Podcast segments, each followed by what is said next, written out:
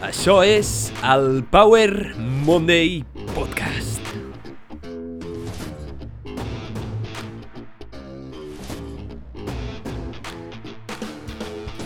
Benvinguts al Power Monday Podcast. Soc en Pau, el teu apassionat de salut, inspiració i ciència, i estic molt agraït de que estiguis escoltant aquest episodi. Aquest episodi t'arribarà al cor. Perquè parlarem sobre el cor i el sistema cardiovascular, que és un dels òrgans o sistemes més importants en el nostre cos. Però el grau amb el que l'entenem, el respectem i el cuidem avui és molt baix, o almenys és malentès. Aquest diumenge, dia 18 de desembre, és la Marató de TV3 de 2022 que parlarà sobre la salut cardiovascular.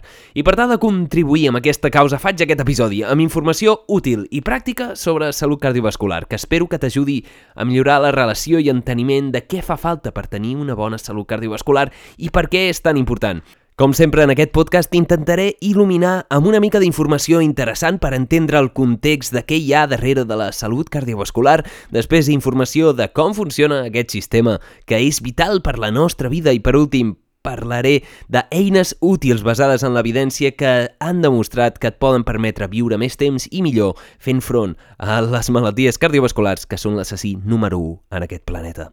Però abans de veure tot això i més, Deixa'm fer-te un petit recordatori, company. Si us plau, si t'agrada aquest contingut i creus que té el potencial d'ajudar alguna persona o que és una mica interessant, comparteix-lo i m'ajudaràs moltíssim a fer arribar més enllà la paraula del Power Monday Podcast. Faràs arribar el missatge i això és el que importa. Em pots trobar a moltes plataformes. Em pots trobar a Spotify, Google Podcast, Apple Podcast i altres plataformes diferents on t'animo que em posis un m'agrada, un seguir i que comparteixis aquest contingut. Per últim, pots trobar més contingut a Instagram, arroba Power Monday Show, on em pots enviar missatges i contactar amb mi.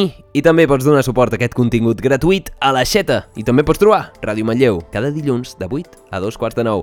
Anem a començar aquest episodi sobre la salut del teu cor. Som-hi!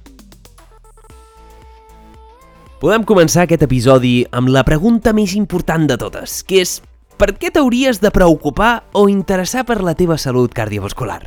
Al cap i a la fi és què, un problema que només afecta la gent gran, no? Afecta quatre iaios. Jo que sóc jove o jo que estic bé i em sento bé, per què coi m'hauria d'importar la meva salut cardiovascular? Per què hauries de posar temps en prevenir la salut cardiovascular? Doncs bé, molts creuen, erròniament, que les malalties cardiovasculars només afecten a la gent gran, però això no és així. Les malalties cardiovasculars poden afectar a tothom, tant homes com dones i a qualsevol edat, des de nadons fins a gent gran. Les malalties cardiovasculars no són una broma, són la principal causa de mort als països desenvolupats. De fet, l'any 2019 van causar 18 milions de morts en el món, que són un 32% del total de les morts al món. A Catalunya causen un de cada quatre morts. Una de cada quatre persones es mor d'una malaltia cardiovascular. Això és un total de 16.490 persones l'any. Moltes dades, però que et quedis amb aquesta idea. Les malalties cardiovasculars són la primera causa de mort en el món. El problema és que els símptomes poden ser completament diferents en diferents persones i estem parlant d'un assassí silenciós, un fet que es va desenvolupant a mesura que envelleixes i que pot aparèixer en qualsevol moment. No estem bromejant aquí, estem parlant de l'assassí number one, el número 1, el primer, primer killer més killer de tots, no estem parlant d'algú qualsevol, sinó el motiu per al qual la majoria de gent mor i mor de manera prematura. Són les malalties cardiovasculars. Llavors sí, per què m'he d'interessar per la meva salut cardiovascular? Doncs bé, perquè són malalties que estan a tot arreu, algunes són evitables, algunes són inevitables, però tenim la sort que les coneixem bé i que realment tenim molt bones eines per mitigar els seus efectes si ens posem a treballar. Per mi això és un motiu de pes suficient pel qual val la pena conèixer què és això de la salut cardiovascular i per què t'hauries de preocupar de la teva pròpia salut. Són malalties que poden afectar a qualsevol persona, tant a tu com les persones que estimes. De fet, es creu que l'aterosclerosi és realment l'única malaltia inevitable de la nostra espècie, l'espècie humana.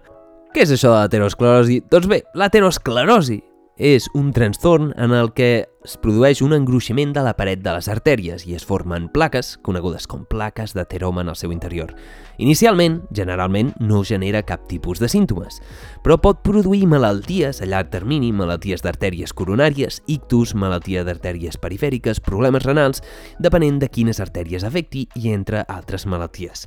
Si es produeixen els símptomes, generalment no comencen fins la mitjana edat, és a dir, és una malaltia que es va desenvolupant al llarg del temps i que ens afecta a tots. Les plaques poden acumular-se i obstruir el flux sanguini i poden trencar-se formant un coàgul de sang que pot anar al cervell o a altres zones del cos, generant isquèmies transitòries o permanents, causant la mort o ictus o diferents tipus de patologies. Actualment es coneix que l'aterosclerosi és la causa número 1 de mort i discapacitat en el món desenvolupat. Així que això t'afecta tu, que vius en el món desenvolupat, perquè si estàs escoltant aquest podcast en català, és que probablement visquis en ell. Com t'estava dient, sembla que és inevitable aconseguir esquivar això de l'aterosclerosi, a diferència d'altres malalties relacionades amb l'envelliment, com el càncer o la demència, que són els altres quatre cavallers de l'apocalipsis que causen més morts i més pèrdua d'anys de vida en salut, doncs aquestes dues més o menys les podem evitar. Però perquè et facis una idea, sabem que tothom mor amb aterosclerosi, encara que no morin d'aterosclerosi. Que jo sàpiga, tots aquells que moren, si han viscut suficients anys, tenen algun inici d'aterosclerosi, és a dir, de malaltia cardiovascular. Ja t'he dit que probablement és la única malaltia inevitable en la nostra espècie. Quan parlem de longevitat i de viure una bona vida, tenim dos factors importants a tenir en compte. L'esperança de vida i l'esperança de vida en bona salut. És a dir, viure molts anys i viure la major quantitat d'aquests anys en bona salut física, mental i emocional. Això és el que qualsevol ésser humà amb dos dits de front intentaria aspirar. Viure molt temps i viure aquests temps molt i molt bé. Aquests dos factors, però, l'esperança de vida i l'esperança de vida amb bona salut, és a dir, la la llargada de la teva vida, el temps que vius i la qualitat de vida estan sent aniquilats per les malalties cardiovasculars. Perquè ho torno a repetir, són la primera causa de mort i discapacitat en el món desenvolupat. Òbviament, algunes d'aquestes malalties cardiovasculars que afecten aquest sistema tan gran que tenim no són modificables, algunes són genètiques i algunes no depenen de nosaltres, però la majoria dels casos nosaltres podem reduir el nostre risc d'aquestes malalties de gran manera i millorar la progressió a través d'un bon estil de vida, hàbits i medicina. Els experts preveuen que aquests tipus de patologies continuaran augmentant entre els menors de 50 anys. De fet, cada cop els incidents cardiovasculars afecten més a les persones joves. Potser per l'estil de vida sedentari que tenim, potser per l'estil de vida i la nutrició que adoptem. Qui sap, per molts factors. Però el cas és que t'hauries de preocupar per aquesta salut, perquè està cada vegada més amenaçada. De fet, es calcula que el 80% d'incidents cardiovasculars podria ser previngut. Es podria preveure, es podria evitar el 80% dels casos. Dit això, espero que t'hagi presentat suficient informació perquè diguis «Coi, eh, crec que m'interessa això de la salut cardiovascular». Abans de veure què pots fer tu per millorar la teva salut cardiovascular, per blindar-te i protegir-te d'aquest assassí número 1 de la humanitat, anem a entendre com funciona el teu sistema, com funciona el teu cos, què passa darrere de tot això que és el sistema cardiovascular. Anem a veure. Primer de tot, què és el sistema cardiovascular? Doncs bé, el sistema cardiovascular com diu el seu nom, està format per al cor i els vasos sanguinis. Els vasos sanguinis són les artèries, les venes i els capilars. I quina és la seva funció? Ja la saps, pues encarrega de transportar tota la sang des del cor al cos i del cos al cor i repetir el cicle una i una altra vegada.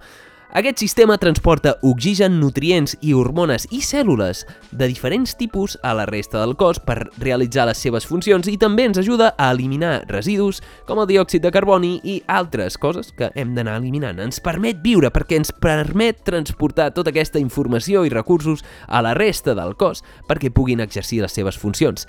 Funcions energètiques, funcions estructurals, funcions de manteniment, funcions de protecció contra els organismes que volen sabotejar el teu cos diàriament. Saps quina distància farien totes les venes i artèries i capilars combinats? Doncs un total de 97.000 quilòmetres, que és suficient per donar quasi unes dues voltes i mitja al planeta Terra. El cor reparteix la sang per tots aquests conductes fent unes 7.000 pulsacions al dia i un total de 2.000 milions de batecs sense parar, sense descansar ni un sol moment al llarg de la teva vida fins que es para i es mor. Per tant, el sistema cardiovascular és un sistema altament complex que compleix múltiples funcions essencials que et permeten estar viu. I pot ser molt fàcil perdre's en els tecnicismes de com funciona, de què és l'artèria horta, què fa el ventricle esquerre, el ventricle dret i tot aquest sistema altament complex pot causar que els arbres no et deixin veure el bosc, és a dir, que ens centrem en els detalls i ens oblidem del que importa. Per això, en aquest episodi t'intento portar una analogia clàssica que crec que et pot ajudar a entendre com funciona el sistema cardiovascular, per llavors saber com pots actuar tu per millorar la teva salut i quins són els punts febles o com pot fallar el sistema. Abans d'anar per aquesta analogia vull que quedi molt clar que no sóc cap mena d'expert en cardiologia ni molt menys en fisiologia i espero que aquesta analogia t'ajudi una mica a recordar els bàsics del sistema cardiovascular.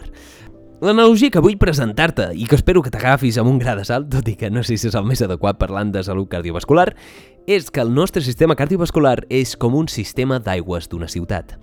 En aquest sistema tenim una bomba, unes canonades de subministrament d'aigües, unes canonades de recol·lecció, una gestió d'aigües i receptors al llarg del circuit que ens ajuden a regular la freqüència de bombeig i la pressió en la que van les canonades perquè el subministrament d'aigües sigui constant i adequat per la demanda del sistema. Per tant, tenim un sistema hidràulic dinàmic que està regulat per diferents receptors que té principalment una bomba, unes canonades, on va a les cases, alimenta i hidrata la població, que és la teva cèl·lules i la teva vida, i permet que el poble visqui bé. Per tant, en aquest sistema hidràulic, i el teu cos és el poble o la ciutat, poden fallar moltes coses si no fem un manteniment adequat. I si fallen, podem tenir molts problemes, obturacions, falta de nutrients, etc. Per tant, anem a veure ràpidament les peces essencials d'aquest sistema amb aquesta analogia de que el sistema cardiovascular és com un sistema d'aigües en una ciutat. Anem a començar pel cor.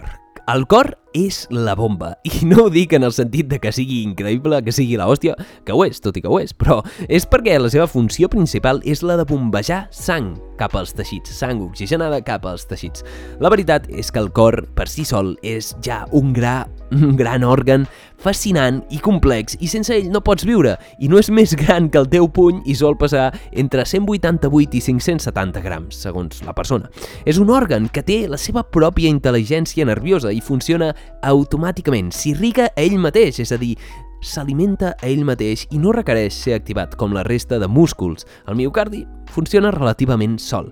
Aquest òrgan tan fascinant que és el cor, que és el que et permet estar viu, està format per dos costats en general i per dues cavernes cadascun. Dic en general perquè sempre hi han, sempre hi ha excepcions rares en medicina. Però bé, aquesta bomba tan fascinant que és el teu cor que s'encarrega de distribuir i recol·lectar tota l'aigua i tots els fluids del teu poble, que és el teu cos, té dos circuits ben diferenciats. Té el circuit pulmonar i el circuit sistèmic.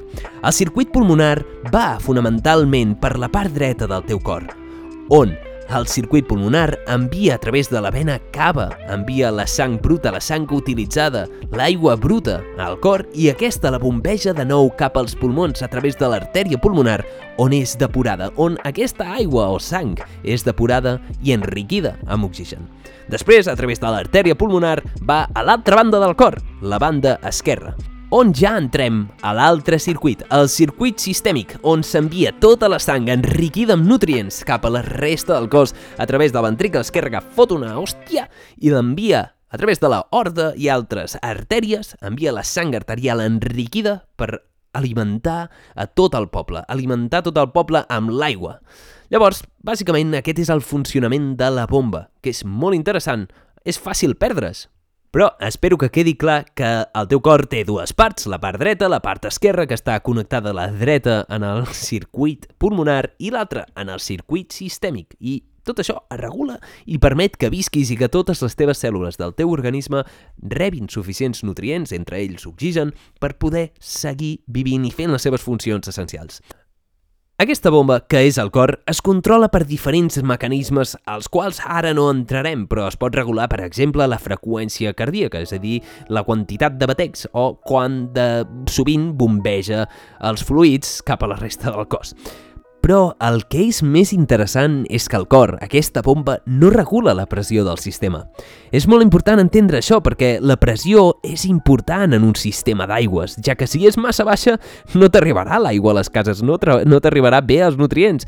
I per l'altra banda, si és massa alta, si està a una pressió molt elevada, el sistema d'aigües pot petar en qualsevol moment i poden haver molts problemes. Això seria un equivalent a la tensió arterial i la tensió en aquest sistema d'aigües ho regulen dos altres peces. Podem dir que ho regula en gran part el cervell, el control de la pressió arterial, i després també tenim els ronyons. Això ho fan a través de diferents missatgers, com la vasopresina, l'hormona antidiurètica, etc, que ara no entrarem, però aquests coordinen la quantitat d'aigua que circula per les teves venes, així com el to de les teves artèries i la pressió arterial. I si aquests fallen, aquests sistemes de regulació de la pressió del sistema d'aigües en la teva ciutat falla, podem tenir molts i molts problemes. Per això hi han tantes medicacions per la pressió arterial i per això tenim un problema amb la hipertensió arterial. És un problema, és un factor de risc per les malalties cardiovasculars, com veurem. Però no tot és només la part estructural. Tenim una altra cosa molt important en aquest sistema, el fluid. El fluid que circula per aquest sistema és molt important, la sang. Si el fluid que circula per al sistema d'aigües d'un poble és un fluid eh, molt viscós que està ple d'objectes, si està contaminat i malmet les parets de les canonades, podem malmetre les canonades i el sistema donant llocs a molts problemes. Es poden obturar les tuberies, com passa amb l'aterosclerosis o la trombosis, per exemple, i pot causar una isquèmia, una falta de subministrament de nutrients que causa la mort de les cèl·lules o de les parts del sistema, causant la mort i problemes bastant importants. El típic cas és la infart de miocardi o l'ictus isquèmic, entre d'altres, on una obturació, obturació del sistema, és a dir, una part del sistema que no rep nutrients, no rep el fluid, és problemàtic. Llavors, per què dic que la qualitat del fluid és important? Doncs bé, perquè nosaltres podem influir en la qualitat d'aquest fluid. Com? Doncs amb què mengem i amb què no mengem, també. I també perquè hi ha condicions genètiques que afecten a la nostra sang, que fan que sigui més viscosa o que fan que tingui certs riscos. No entrem més en detall, òbviament aquesta és una analogia, és una simplificació, però espero que quedi clar. De la mateixa manera que tenim el fluid, tenim les canonades o els tubs, i aquests també són molt importants. Si són de mala qualitat o estan malmesos, poden patar el sistema i poden haver fuites o un enlentiment del flux o poden haver llocs on la sang no passa tan bé. Llavors, les canonades que van del cor als teixits normalment s'anomenen artèries i transmeten l'oxigen, els nutrients, a les cases. I després, a les canonades que van dels teixits al cor són les venes, que no estan tan musculades i que transmeten el CO2 per alliberar-lo després amb l'intercanvi de gasos en els pulmons. Les dues són una mica diferents, però les dues són completament necessàries. Llavors, més o menys, aquesta és l'analogia que espero que hagi quedat clara. El teu sistema cardiovascular és com un sistema de gestió d'aigües que té la seva bomba, les seves canonades, un fluid que és important i diferents sistemes que regulen la pressió en aquest sistema. La pressió és molt important perquè si va massa fluix, malament, i si va massa alt, també molt malament. Llavors nosaltres podem veure on pot fallar moltes coses en aquest sistema i on podem actuar nosaltres. El més important que espero que entenguis d'aquesta analogia és el següent. El nostre sistema cardiovascular és com un sistema d'aigües, però és una mica diferent, ja que el nostre sistema és un sistema biològic i aquest es pot entrenar, es pot modificar a través del nostre estil de vida i les nostres accions, tant per bé com per malament. Si un sistema no té un bon manteniment, pot ser que falli molt més fàcilment. Encara que el sistema fos mal construït, que tingués errors genètics i tingués problemes de naixement, la teva salut cardiovascular en la majoria dels casos depèn de tu, del teu estil de vida. I estem veient com una mala gestió o mal manteniment d'aquest sistema ens porta a la principal causa de mort en aquest planeta Terra. Si cuides el teu sistema cardiovascular, faràs que la població, aquest poble que alimenta aquest sistema d'aigües, floreixi, que són les teves cèl·lules, que visquin bé i que puguin funcionar de manera adequada, que puguin exercir les seves funcions pel que van ser programades, que és ajudar-te a viure, a experimentar aquesta vida. El teu sistema cardiovascular és la teva vida. Si això falla, i pot fallar per molts llocs, et trobaràs en problemes. Així que depèn en gran part de tu, del teu estil de vida i dels hàbits i els nutrients que consumeixis, mantenir la teva salut cardiovascular. Òbviament, aquesta analogia és una sobresimplificació que serveix per recordar els bàsics. Els sistemes biològics estan vius i responen a canvis a l'ambient i responen a estímuls de manera diferent que els físics. Com un sistema d'aigües no és ben bé la mateixa analogia, però crec i espero que t'hagi ajudat a entendre millor que existeixen diferents punts i orígens on el sistema pot fallar i diferents punts i orígens on nosaltres podem actuar. Per saber com solucionar-los, com prevenir-los, és important entendre aquests processos. Vist això, anem a veure el que importa de debò a molta gent. Què pots fer i tu, què coi pots fer tu per millorar la teva salut cardiovascular? Una de les coses més espantoses d'aquestes malalties és que sovint són silencioses, amb pocs símptomes o cap símptoma fins l'últim dia. I de fet, la presentació més habitual de la malaltia cardiovascular és l'atac de cor sobtat i mortal. De fet, saps que un pacient té una malaltia cardíaca moltes vegades perquè acaba de morir d'una malaltia cardíaca. No te n'has enterat fins que no ha tingut l'atac de cor. I encara que les taxes de mortalitat en els primers atacs de cor ha baixat de manera significativa gràcies a les millores en el suport vital bàsic i les intervencions sensibles al temps en els últims anys, aquests atacs de cor són encara mortals en aproximadament un terç de les vegades.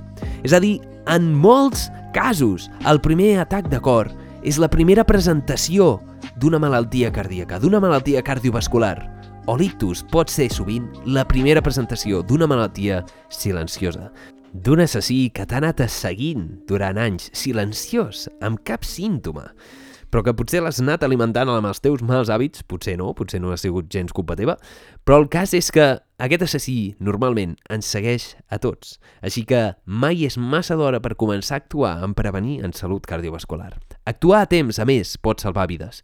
Així que abans de veure com pots actuar tu a nivell individual per actuar per tu mateix, deixa'm recordar-te què pots fer si trobes en una situació en la que cal actuar pels altres. En el que trobes en una situació en el que una persona propera a tu o fins i tot tu Té símptomes com manca d'aire, mareig, palpitacions, dolor al pit, dolor als braços o malestar general agut. Si el dolor és toràcic, opressiu, constant, amb reflex cap a la mandíbula i al braç. En aquest cas has de trucar ràpidament al 112 perquè et podries trobar en un cas d'infart agut de miocardi o en algun cas d'ictus. Si us plau, si trobes en alguna d'aquestes situacions, no dubtis ni un segon, perquè actuar a temps pot salvar moltes vides. Actuar a temps pot salvar vides. Cal trucar ràpidament al 112.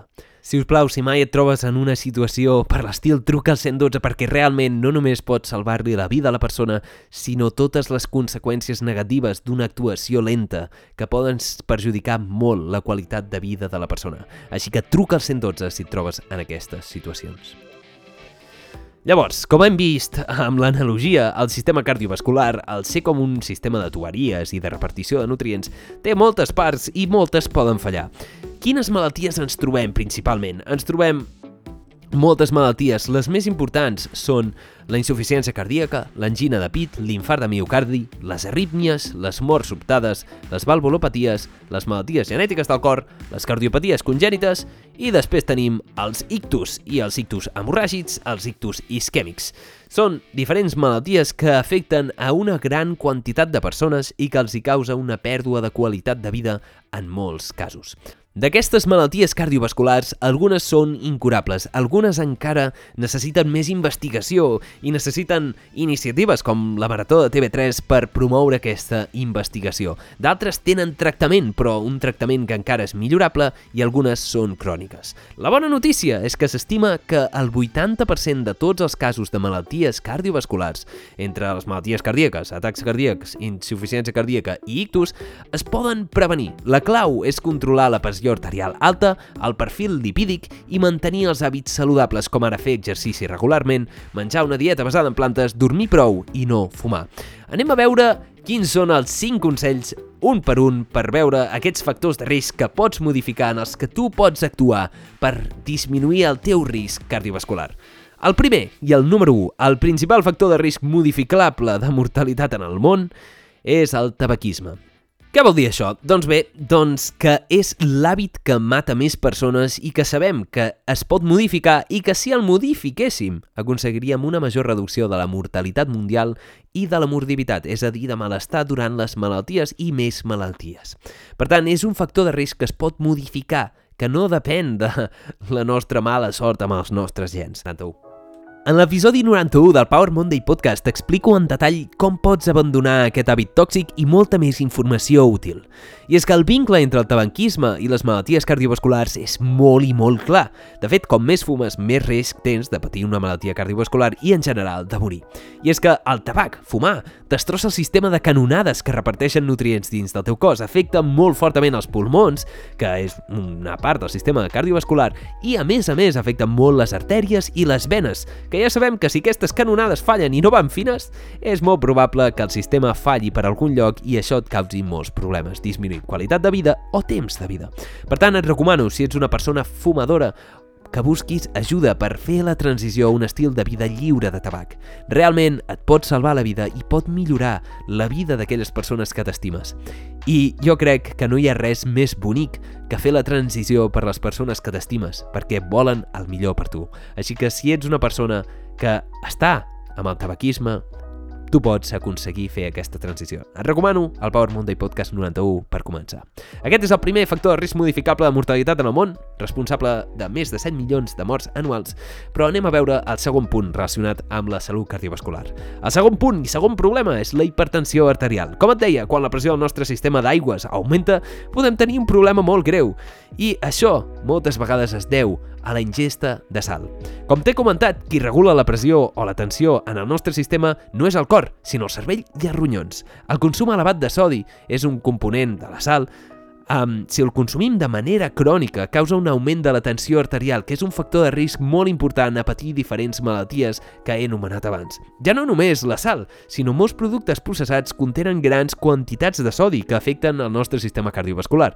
La relació entre la ingesta de sal i el mal pronòstic cardiovascular no és una relació lineal consistent, però. És a dir, no és lineal, no és directa, sinó una forma de corba en J.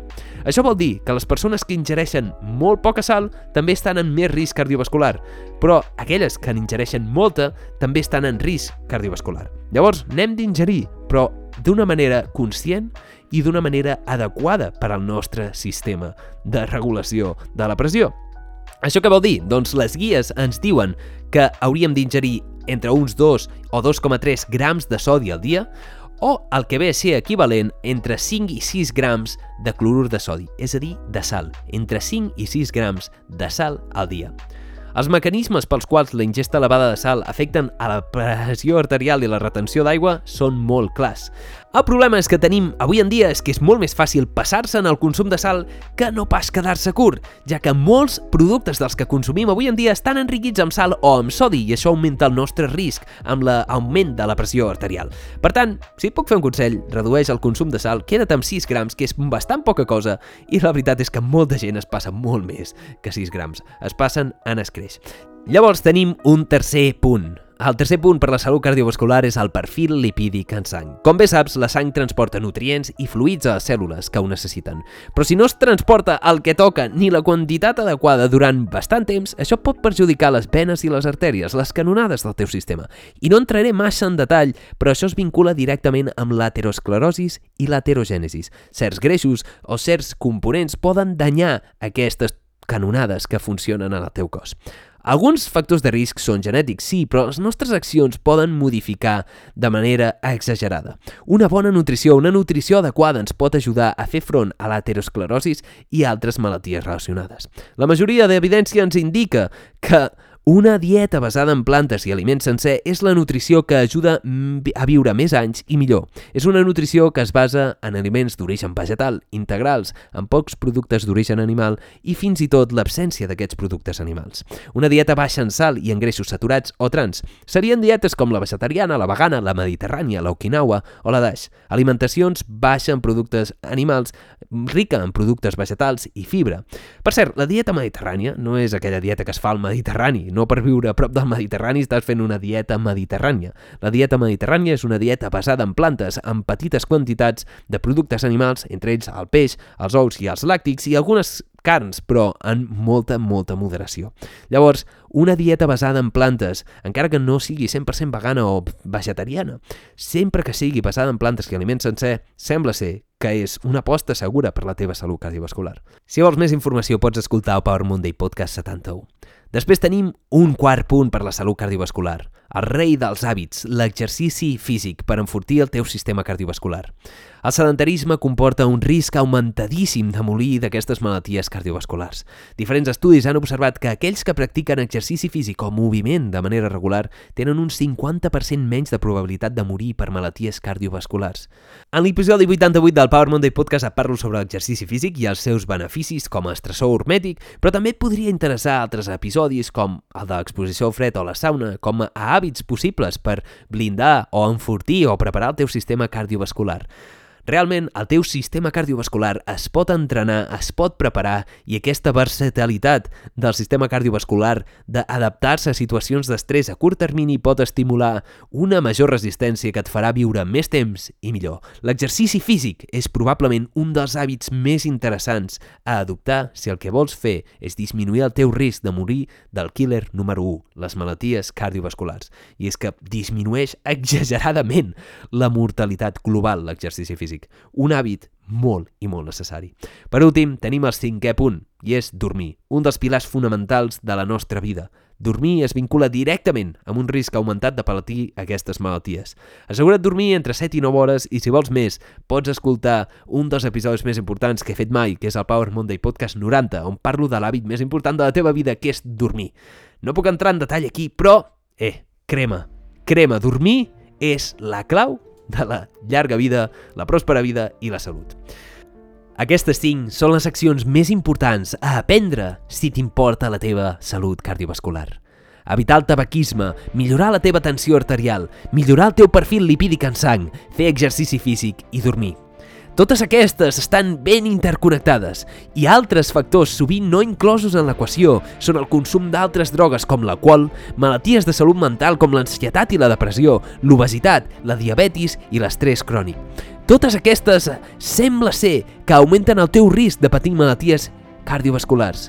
Però totes estan interconnectades, totes estan connectades amb els pilars fonamentals de la teva salut, una bona nutrició, dormir bé, fer exercici físic i mantenir una salut social adequada. Totes estan interconnectades de manera que si prens acció en millorar la teva salut cardiovascular, no només millores la teva salut cardiovascular, sinó altres regnes de salut. Viure més temps, viure millor, tenir millor salut emocional i física.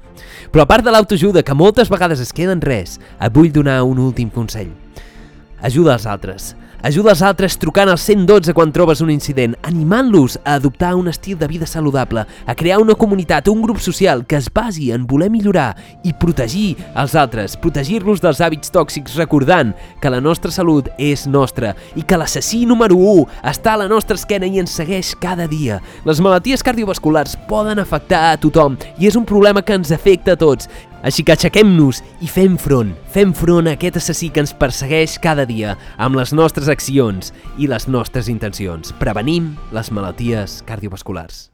Per acabar, deixem recordar-te que aquest diumenge 18 de desembre se celebra la Marató de TV3 per fer front a les malalties cardiovasculars, que són la principal causa de mort en el món. Si us plau, participa, dona i ajuda d'alguna manera a impulsar la recerca científica, la sensibilització i divulgació de tota la informació relacionada amb les malalties cardiovasculars.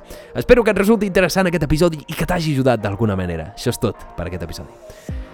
Ei, moltíssimes gràcies per haver escoltat aquest episodi. Espero que t'hagi agradat molt o t'hagi aportat una mica de valor. Recorda, si us plau, si creus que algú es pot beneficiar d'aquest contingut, comparteix-lo i m'ajudaràs moltíssim a fer arribar més enllà la paraula de Power Monday Podcast. Et recordo que em pots escoltar a moltes plataformes com Spotify, Apple Podcast i moltes d'altres més. Em pots trobar Instagram arroba Power Monday Show on em pots enviar missatges o preguntes o pots debatre les coses que he dit. Et recordo que pots trobar tots els enllaços a la descripció, enllaços a estudis, enllaços a xarxes i molt més.